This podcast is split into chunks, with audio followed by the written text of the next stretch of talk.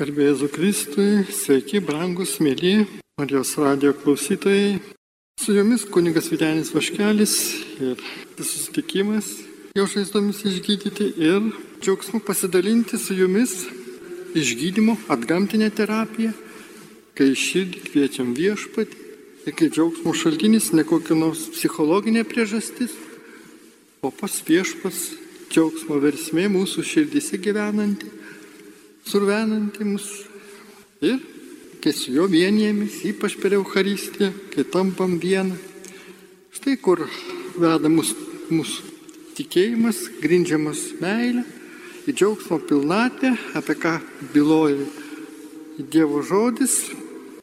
O dabar viešpati šventoji dvasia nužengia į kalbėtojo širdį ir jūs te palaimina viešpas, kurie prie radio imtuvų esate ir girdite dabar žodį viešpatie, būk su mumis ir lydėk mūsų žingsnius, o mes tave šlovinam ir garbinam su meilė, su džiaugsmu, kad tu mus palaikai savo buvime ir prisimenam psalmininką Dovydą, jo psalmis, jo meilės, ženklai, jo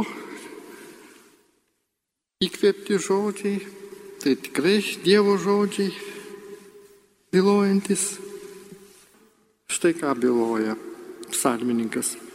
Kokie laimingi žmonės, mokantis džiaugsmingai tave šlovinti. Jie gyvena viešpati tavo artumoje. Visą dieną jie džiugauja dėl tavo vardo ir tavo teisumas juos išaukštino. O psalmė ketvirtoji Štai kaip byloja. Tu įdedi mano širdį daugiau džiaugsmo negu grūdų derlius ir jauno vyno gausa. Taigi net medžiaginės vertybės negali to džiaugsmo viršyti, kurį mums teikia viešpats, kai mes su esame su juo, kai sąžinės ramybė mums byloja, kad esame taikoje su viešpačiu, su artimu ir patys su savimi. Bet reikia mums ir triūso, reikia ir pastangų, kad tas džiaugsmas būtų išliekantis. Dėl kitoj psalmė, 126 mes skaitome, kasėja ašarodamas, tas nuiminės derlių džiugaudamas. Nors žmogus išeitų verkdamas, sėklasėjai nešinas, jis sugrįž namo džiugaudamas, derliaus pėdais nešinas. Na ir pagaliau ir mūsų viešpas Jėzus Kristus štai ką sako, aš jums tai kalbėjau, kad jumise būtų manasis džiaugsmas ir kad jūsų džiaugsmui nieko netrūktų. Taigi pilnuma džiaugsmo viešpaties Jėzaus širdyje ir kai atrodo iš pirmo žvilgsnio, kai Jėzus yra sakęs, jog norint būti pakrikštas kančios krikštų ir taip nerimstų, kol tai įvyks, bet iš tiesų Jis jau matė save ir prisikėlusi, ir iš numirusių, ir jis užtat galėjo netgi paskui tą džiaugsmą kontempliuoti tėvo akivaizdu naktį, naktį melzdamasis su šventąją dvasia draugė ir visą tai iš amžinybės perspektyvos vertindamas mums sakyti, kad mes galime, patirdami įvairius sunkumus, išbandymus, taip pat džiaugtis Nes tikrasis džiaugsmas yra nesugriaunamas. Apie tai kalbėjo šventasis Grigalius Nisėtis ketvirtam amžiui, apie nuolat besitėsiantį džiaugsmą. Jis nesusijęta su tuo, kas regima, jis srovena iš gilesnių sielos sluoksnių. Jis yra gilios Dievo patirties išraiška. Taigi Kas pažino Dievą, buvo įsitikinęs Grigalius, tas nesiliauja džiaugiasis. Nors džiaugsmą temdo išorinės kančios patirtis, tačiau jo atimti niekas negali. Nes šis džiaugsmas dieviškas. Savo galėsim netrukus prisiminti šventai Paulių ir jo bendražygį Sylą, kurie Dievo regėjimi buvo nukreipti į Filipus, Makedonijos provinciją, skelbti žodį. Ir žinom, kad vos atvykę po 48 valandų buvo priešų užpulti, žiauriai sumušti, beveik užmušti, įmesti į giliausią kalėjimą. Absoliučiai tamsi ir purvina vieta knipždėjo žiūrkėmis, o ką kalbėti apie sanitarnės sąlygas tais laikais. Nereikėjo nesvajoti. Bet Paulius ir Silas netikėtai pradėjo gėdoti. Rankos ir kojos buvo sukausytos kaladėmis, nuo sumušimų skaudėjo visą kūną, žaizdos kraujavo, o štai jie šlovino Dievą.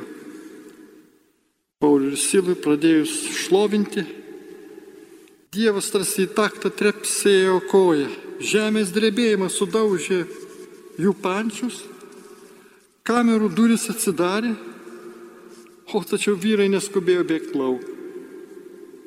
Kodėl?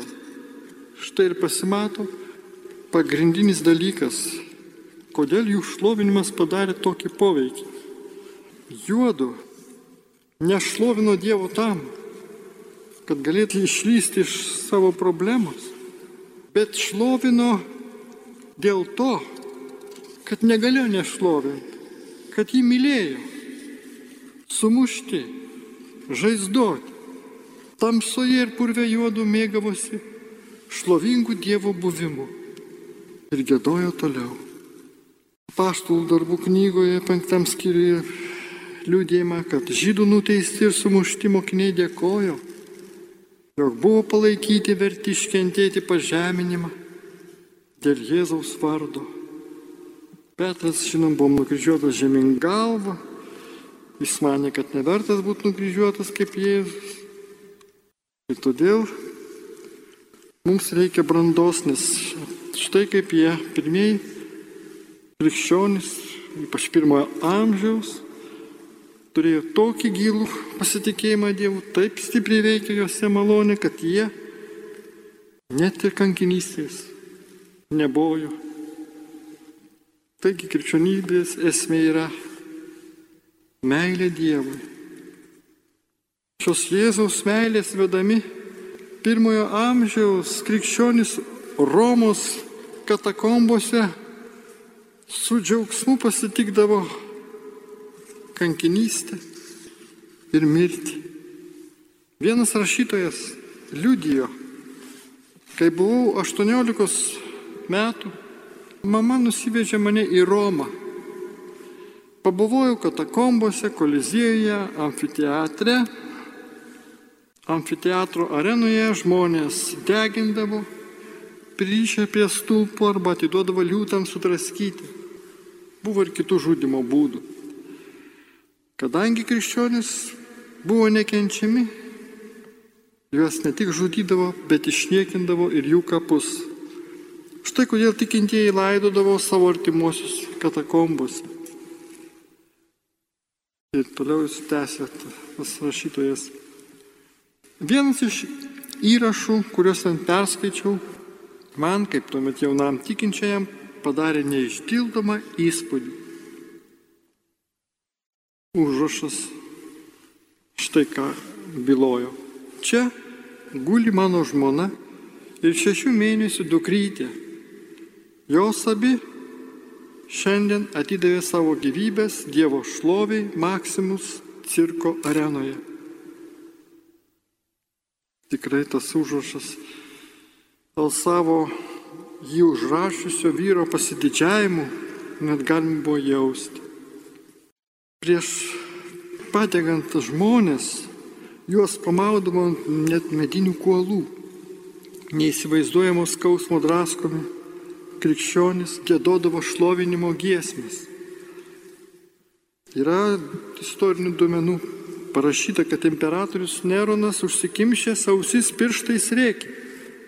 O Dieve, kodėl tie krikščionys taip garsiai dainuoja? Aš norėjau, kad jie tyliai degtų krikščionys varžydavosi, kam atiteks garbė mirtimi pašlovinti Dievą.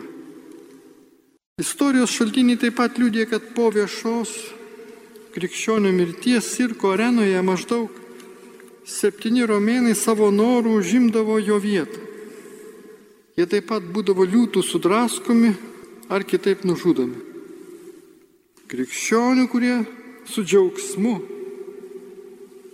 be jokios mirties baimės atiduodavo savo gyvybę dėl mylimojų Kristaus, elgesys taip įkvėpdavo žudinių stebėtojus,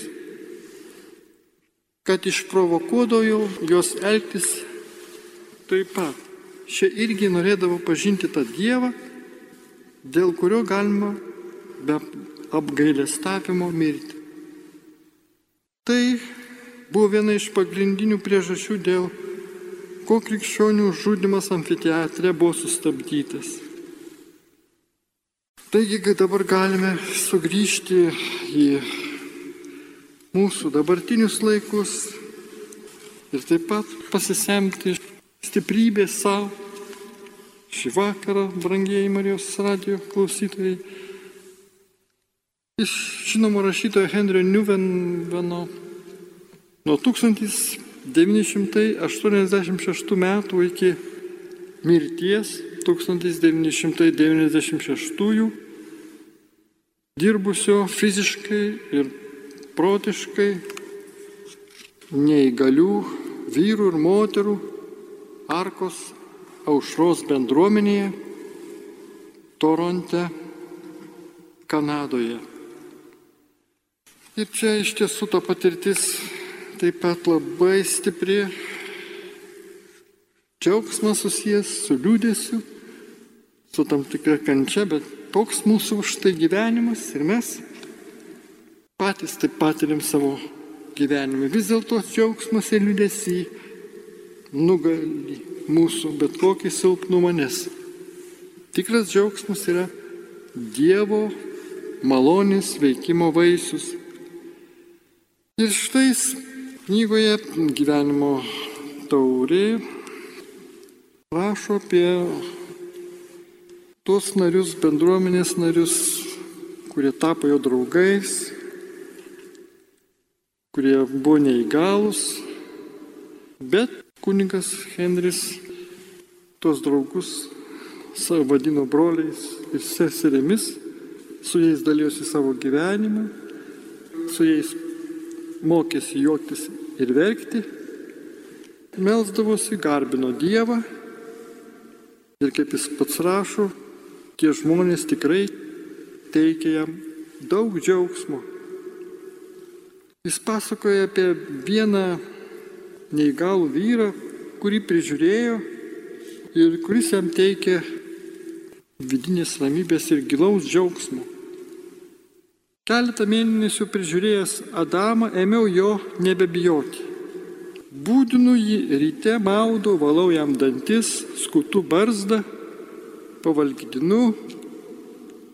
Tai tarp mūsų sukūrė tokį stiprų ryšį be žodžių ir matomų pripažinimo ženklų, kad net jo ilgiuosi, kai negaliu būti kartu. Mano laikas leidžiamas su Adamu tapo maldos, tylos ir ramaus artumo laiku. Man Adamas yra tikras ramybės kleidėjas, žmogus, kuris myli ir pasitikim manimi net tada, kai jam maudyti prileidžiu per karšto ar per šalto vandens, įpjaunus kustuvu ar aprengiu netais drabužiais. Manęs jau nebebaugina Adamo epilepsijos priepoliai. Jie tiesiog priverčia mane sulėtinti tempą, pamiršti kitus įsipareigojimus, būti su Adamu, apkamšyti jį storomis antklodėmis, kad nesušaltų. Jo nerangiai labai lieta eisena daugiau manęs neerzina bet suteikė galimybę atsistoti jam už nugaros, apkabinti jį per liemenį, sakyti jam drąsinančius žodžius, kol jis atsargiai žengia vieną žingsnį po kito.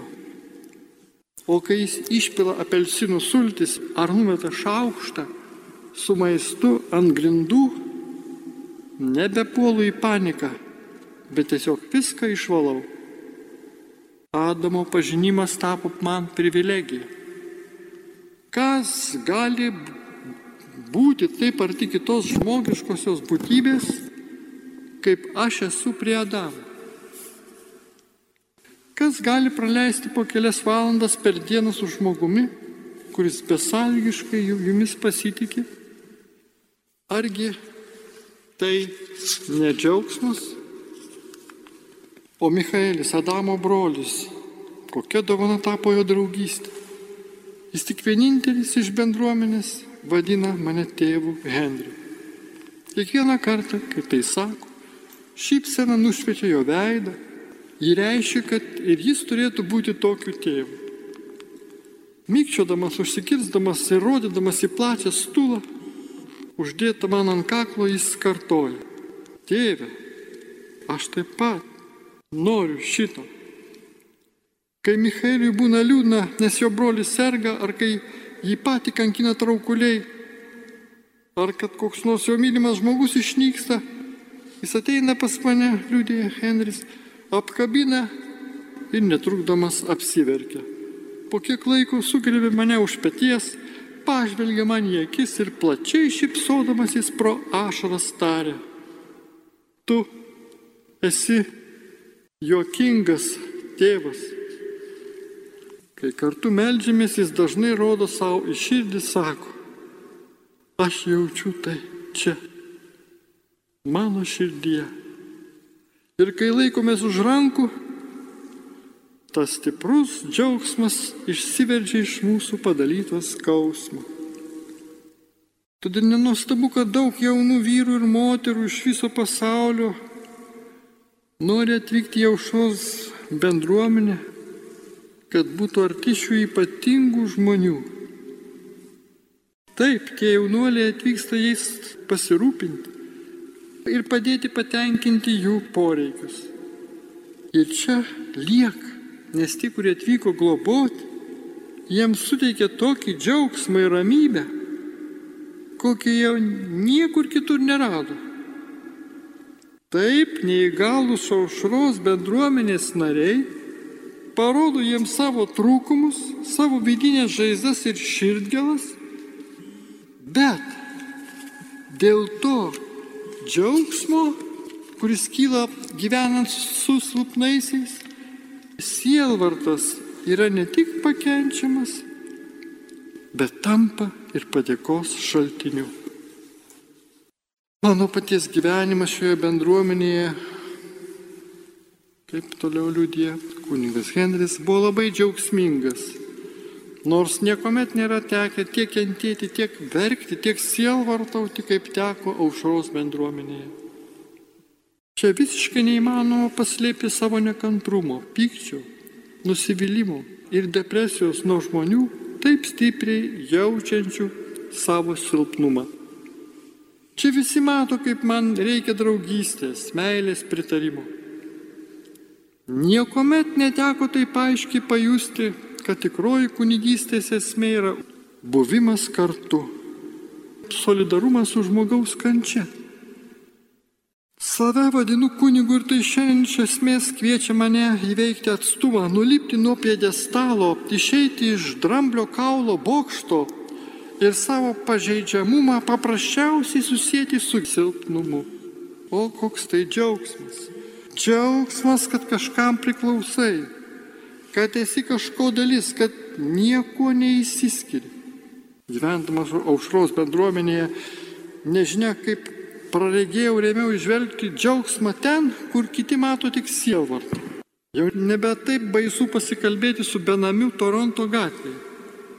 Greitai pinigai tampa nesvarbiausių klausimų. Svarbiausias. Iš kur tu? Kas tavo draugai? Kas vyksta tavo gyvenime? Žvilgsniai susitinka, rankos susiliečia ir štai dažnai netikėtai. Šypsen, juoko protrukis. Na tikra džiaugsmo akimirka.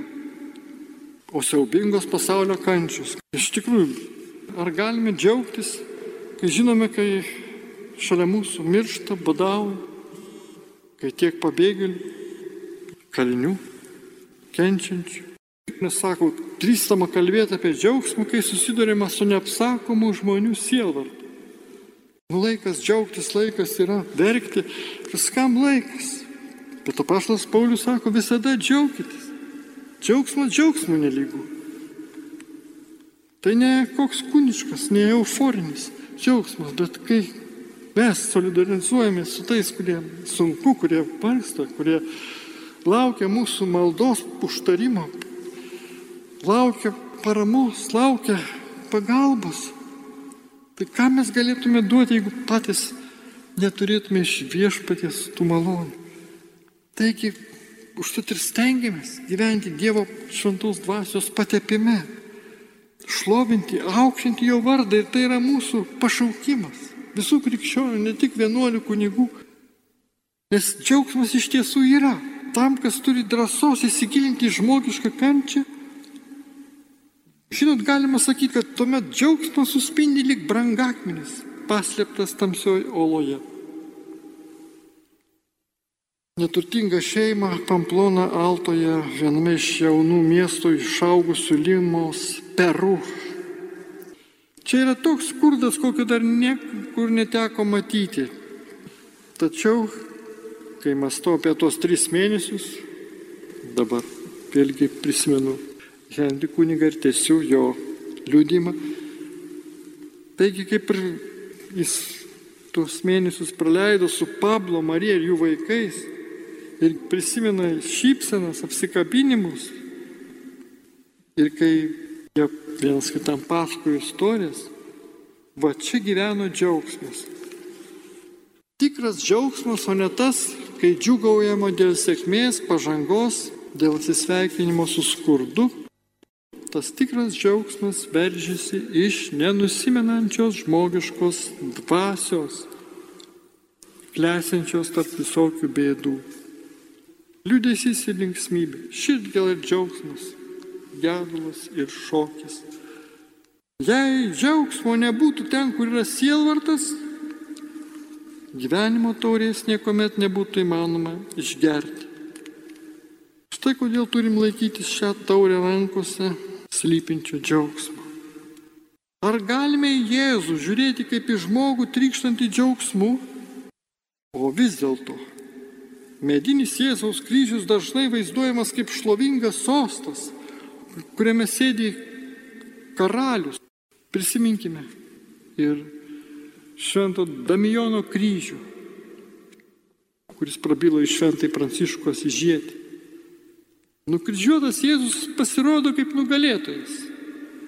Kryžius apsuptas puikaus aukso, Jėzaus kūnas tobulas ir nesužalotas, kryžiaus kersinis, ant kurio jis prikaltas, nutapytas kaip kapas, iš kurio Jėzus prisikėlė ir visi kryžiaus papėdėje, Marija, Jonas ir kiti džiūgauja. Viršum matome viešpatės ranką apsuptą angelų, kuri kelia Jėzų į dangų. Tai prisikėlimo kryžius, ant kurio matome šlovėje pakilėtą Jėzų. Jo žodžiai, o aš, kai būsiu pakeltas nuo žemės, visus patrauksiu prie savęs, reiškia ne tik nukryžiavimą, bet ir prisikelimą. Kaip nusikėlusis, kalbam ne tik apie agoniją, bet apie sielą ir apie nesunaikinamą džiaugsmą. Galim dar prisiminti, kai dikumoje iškėlė žaldį, taip turi būti iškeltas ir žmogaus sunus, kad kiekvienas, kuris įtikė, turėtų amžinai gyvenimą. Mozė dikumoje kaip vėliava iškėlė ugningą žaltį, kuris gydė visus gyvačių įgeltus, kai tik jie į jį pažvelgdavo. Taip pat ir Jėzaus kryžius, gydanti vėliava. Ne tik nuo fizinių žaizdų, bet ir nuo žmogiško mirtingumo. Pakilęs viešpas patraukė visus žmonės su savimi naują ir amžiną gyvenimą. Nors Jėzus šaukė, mano Dieve, mano Dieve, kodėl mane apleidai? Tačiau visiškai jam atsidavęs taip pat sušaukė, Tėve, į tavo rankas atiduodu savo dvasę. Visiškai mūsų skausmo atsidavęs Jėzus nori, kad ir mes atsiduotume jo džiaugsmui. Jėzus džiugesio žmogus nori, kad mes būtume kupini džiaugsmo. Taigi ar galim gerti taurę, kurią jis gėrė? Galim taip klausimą formuluoti. Kad apaštalai, mokiniai Jonas, Jokūbas tą klausimą uždavė. Kristus sakė, taip, mano taurė tiesa, jūs gersite. Bet jo taurė bus ir jų taurė. Ir mūsų taurė. Jie patirs tą patį, ką išgyveno Jėzus. Ir mes turim kiekvienas gerti mums viešpaties skirtą didesnę ar mažesnę išbandymų, sunkumų vairių ir kausmų kančių taurę. Ir štai, sielvarto taurės negalime atskirti nuo džiaugsmo taurės. Jėzus tai žinojo, nors sodė, kai buvo apimtas kančios ir jo siela buvo mirtinai nuliūdusi. Jam prireikė angelo iš dangaus, kad tai primintų. Taigi ir mūsų taurė kaip esi sielvarto ir džiaugsmas atrodo visiškai nepasiekiamas. Skausmas mūsų užvaldo, priverčia sukniupti ant žemės, prakaituoti krauju. Tada mums reikia prisiminti, kad mūsų taurė yra ir, ir skausmo, ir džiaugsmo taurė, ir kad vieną dieną galėsime džiaugsmo paragauti tiek, kiek dabar kartais tenka ragauti skausmo. Dabar Jėzus jau nėra užvaldytas kančios. Jis oriai ir viduje laisvas stovi priešai savo priešus. Jis laiko savo taurę. Kupina ne tik skausmo, bet ir džiaugsmo. Jis džiaugiasi žinodamas, kad tai, ką patirs, yra jo tėvo valia ir leis jam pabaigti savo misiją. Evangelistas Jonas atskleidžia mums tą milžinišką iš Jėzaus sklindančią galę. Jis rašo, Jėzus, žinodamas visą, kas jo laukia, išėjo į priekį ir paklausė, ko ieškote. Jie atsakė, Jėzus nusaičiu. Jėzus tarė, tai aš. Jo išdavikas Judas irgi stovėjo tarp jų. Kai tik jis ištarė, tai aš jie atšoko ant gal ir parpuolė ant žemės. Besąlygiškas Jėzaus atsidavimas savo tėvui leido jam nepasivėrė zignuoti, bet esant visiškai tikram, kad mirties valanda bus ir šlovės valanda, išgerti savo taurę. Jėzaus taip pavertė jo pasidavimą tokiu nuostabiu kūrybiniu veiksmu, kuris gali duoti daug vaisių. Jėzaus taip panaikino jo misijos pertraukimo fatališkumą. Jo mirtis tapo negalutinė, neatšaukiama pabaiga, o naujo gyvenimo pradžia. Pasakęs taip, Jėzus iš tiesų leido savo visiškai patikėti, kad mirštantis grūdas duos gausų derlių. Džiaugsmas slypi kančioje. Galim kartais vat, susidūrę su kančia žmonių matyti juose ramybės ir džiaugsmo kibirkštėlės jų akise, jų balso intonacijų. Prisimenu, kaip ir klinikose, būdamas prie ligonio, kaip kapelionas, patarnaudamas kai kuriem, ačiū Dievui, turintiem dar sąmonę, žmogus bendrauja. Yra tų nuostabių akimirkų valandėlių, Ir jam pasakė žodį, kai jie aprūpinė sakramentais, papildoma malda pasimeldęs, jauti, kai artimieji taip pat kartu meldžiasi nuo širdžiai, jog liūdėsys, ta kraujo gimnystės ryšio nutraukimas slopsta, kad jį viršė jį ir nustelbė malonės dvasia kad negali taip va štai sielą palikti, kūną išeiti kažkur į dausas. Ne. Ačiū Dievui, kai mes turim Biblijos pažinimą, katekizmo tiesų pažinimą. Ir sakome, kad keliauja siela ne tik aprūpinta, bet ir maldos palydima ir gerais tikėjimo darbais pasipošusi pas viešpatį. Ir tai yra mums pavyzdys, kad ir mes turime kovoti tikėjimo šaunę kovą su Dievu, su bendruomenės nariais, su bendraminčiais ir nešti tą gyvenimo kryželį džiaugsmingai vieni kitiems padėdami. Mersime, kad galėtume tas kleisti iš nusiminį, kuris depresuoja, kur dėl jos baime kaus. Meldžia prašo, šlovina mūsų pašaukimas gyventi dabarties akimirką ir aukštinant tavo vardą ir įsitikinimu, kad viešpatį tu esi mūsų tarpe. Tai daryti su džiaugsmu. Taigi visiškai supratę, kad skausmo taurė yra ir džiaugsmo taurė, ją gerti, dėkodami iš per Marijos širdį. Ir suprasime, kad tai mus veda į amžiną šlovę. Ten amžinybėje jau gersime džiaugsmo vyną. Dievo akis į akį regėjimo vyną. Galėsime iš tiesų būti palaiminti. Džiugus, kad kovojam tikrą tikėjimo kovą. Nors ir buvom pasilpę, nors ir nuodėmė mus pargriovusi buvo, bet kėlėmės ir ėjome su Jėzumi. Ir garbinome jį. Tik žodžiai, bet tai buvo mūsų darbai. O tai yra svarbiausia. Taip, viešpatie, šį kartą mes melžiamės, bus tos malonių gausos ir šviesos, išgydymo dovanos. Tave viešpatė, kad tu jau įvykdai ant kryžiaus, pasiaukodamas atpirkimo darbą ir išgydymo dovą esi suteikęs. Jau visa tai yra padaryta. Jo žaizdomis esame išgydyti. Mums belieka tik paštai. Tarti Dievę, šlovinu ir aukštinu tave, kad tu taip pasilgi, kad tu pas, pasiaukoji dėl manęs.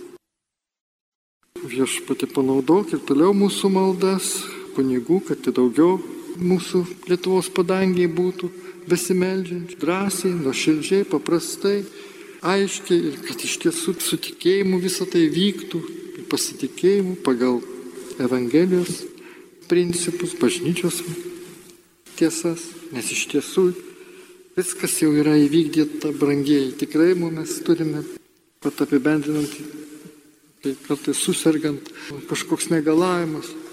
Tai ne toj tabletės ieškoti, bet prisiminti, kad esam Dievo akivaizdoje. Viešpatė. Štai šitaip šlovinu ir aukštinu tave. Ir melžiuos atiduodu tau savo problemą, sunku va, šią valandą. Bet tu viską apie mane keurai žinai, man nereikia ir net prašyti.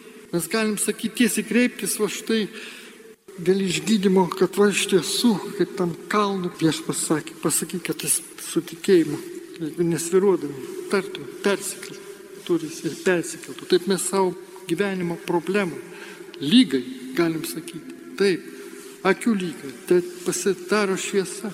Tegul va štai pasitraukia mano trumparegystė arba katarakto lyga. Galima tiesiai šviesiai vardinti šitą problemą. Tai pasitraukia Jėzus Kristus vardu. Pasitrauk nuo manęs. Šitaip mes turime išdrys pasipriešinti, tada piktasis bėgs nuo mūsų, nes dažnai velnės kaip tik ir nori sutrukdyti mūsų maldos rezultatų gavimą. O viešpas veikis pagal tam tikrus dvasios atgamtinius dėsnius. Jis nori, kad va štai mes jais pasinaudotume, kad pritaikytume Evangeliją. Kai jis sakė, ko tik paprašysite, tikėkit, kad jums bus, kad jūs gausit ir jums taip įvyks. Ir gal ne iš karto tai įvyks, ir gali tas piktasis sutrukdyti ir mūsų pačių silpnumas, kokie nors dar klaidos ir nuodėmių likučiai gali dar mums kažkiek pakenktis. Gal dar reikia išpažinti prieš tai atlikti, atleisti savo artimų. Gal būna ir tos priežastys, nes gal pagėšą jaučiam. Ir kitas kliūtis savyje atrasti, kad galėtume Dievo artumoje šlovintami jį tikėti ir pasitikėti, kad ateina ta šviesa. Išgydanti Dievo malonė mus apšviečia, mus palaimina ir mes sulaukiam tos fizinės ir dvasinės palaimos. Ir ačiū Dievui, kad dėkojam, turime šlovinti ir aukštinti, nes iš tikrųjų jau turi mūsų padėka nusverti, nustelbti mūsų prašymus. Nes vieną kartą turime visais laikais būti įsitikinę, dėl Jėzaus Kristaus mirties ir prisikelimo nuopelnų mes esam tvirti, mes laikomės viešpaties rankos, mes laikomės jo kelio ir eisim tuo keliu iki galo. Ir niekas mūsų negalės iš jo išvesti. Mes laikysimės viešpatė. Su malda, su atsidavimu tau, su pasišventimu tarnausime tau ir melsime viešpatį. Sveikatėlės, bet žinodami, jei neatsako iš karto, o būna ir iš karto gaunam pagalbą, paramą ir pagodą, tai paskui sulaukiam tos malonės. Tikrai neša angelas, įveikdamas kliūtis.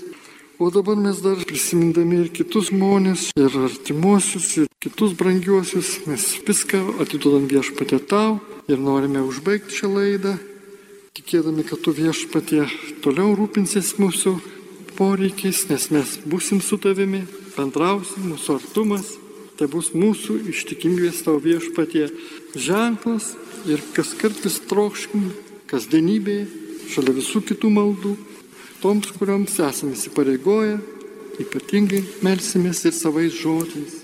Prašysim viešpatį ateik, ateik šventoji dvasia, vesk mus pas Jėzų, kad būtume verti visų pažadų išsipildymo ir matytume pagaliau savo dieną viešpatie, kada po šito gyvenimo vargų visi galėsime vieni kitus pasveikinti viešpatie šviesiausioje amžinybėje. Tegu viešpas jūs laimė, tegu lydi jūsų gyvenimo kiekvieną žingsnį. Tarnaukime viešpačiu vieni kitus palaikydami ir džiaugdamės vieni kitais, kad viešpas mus myli, kad ištraukė mus iš nebūties, kad mus atpirko ir mus veda į saulėtąją Dievo karalystę, mokydamas mus gerti iš kančios ir džiaugsmo taurės. Būkite palaiminti. Su jumis buvo kunigas Vitenis Vaškelis. Sudėv.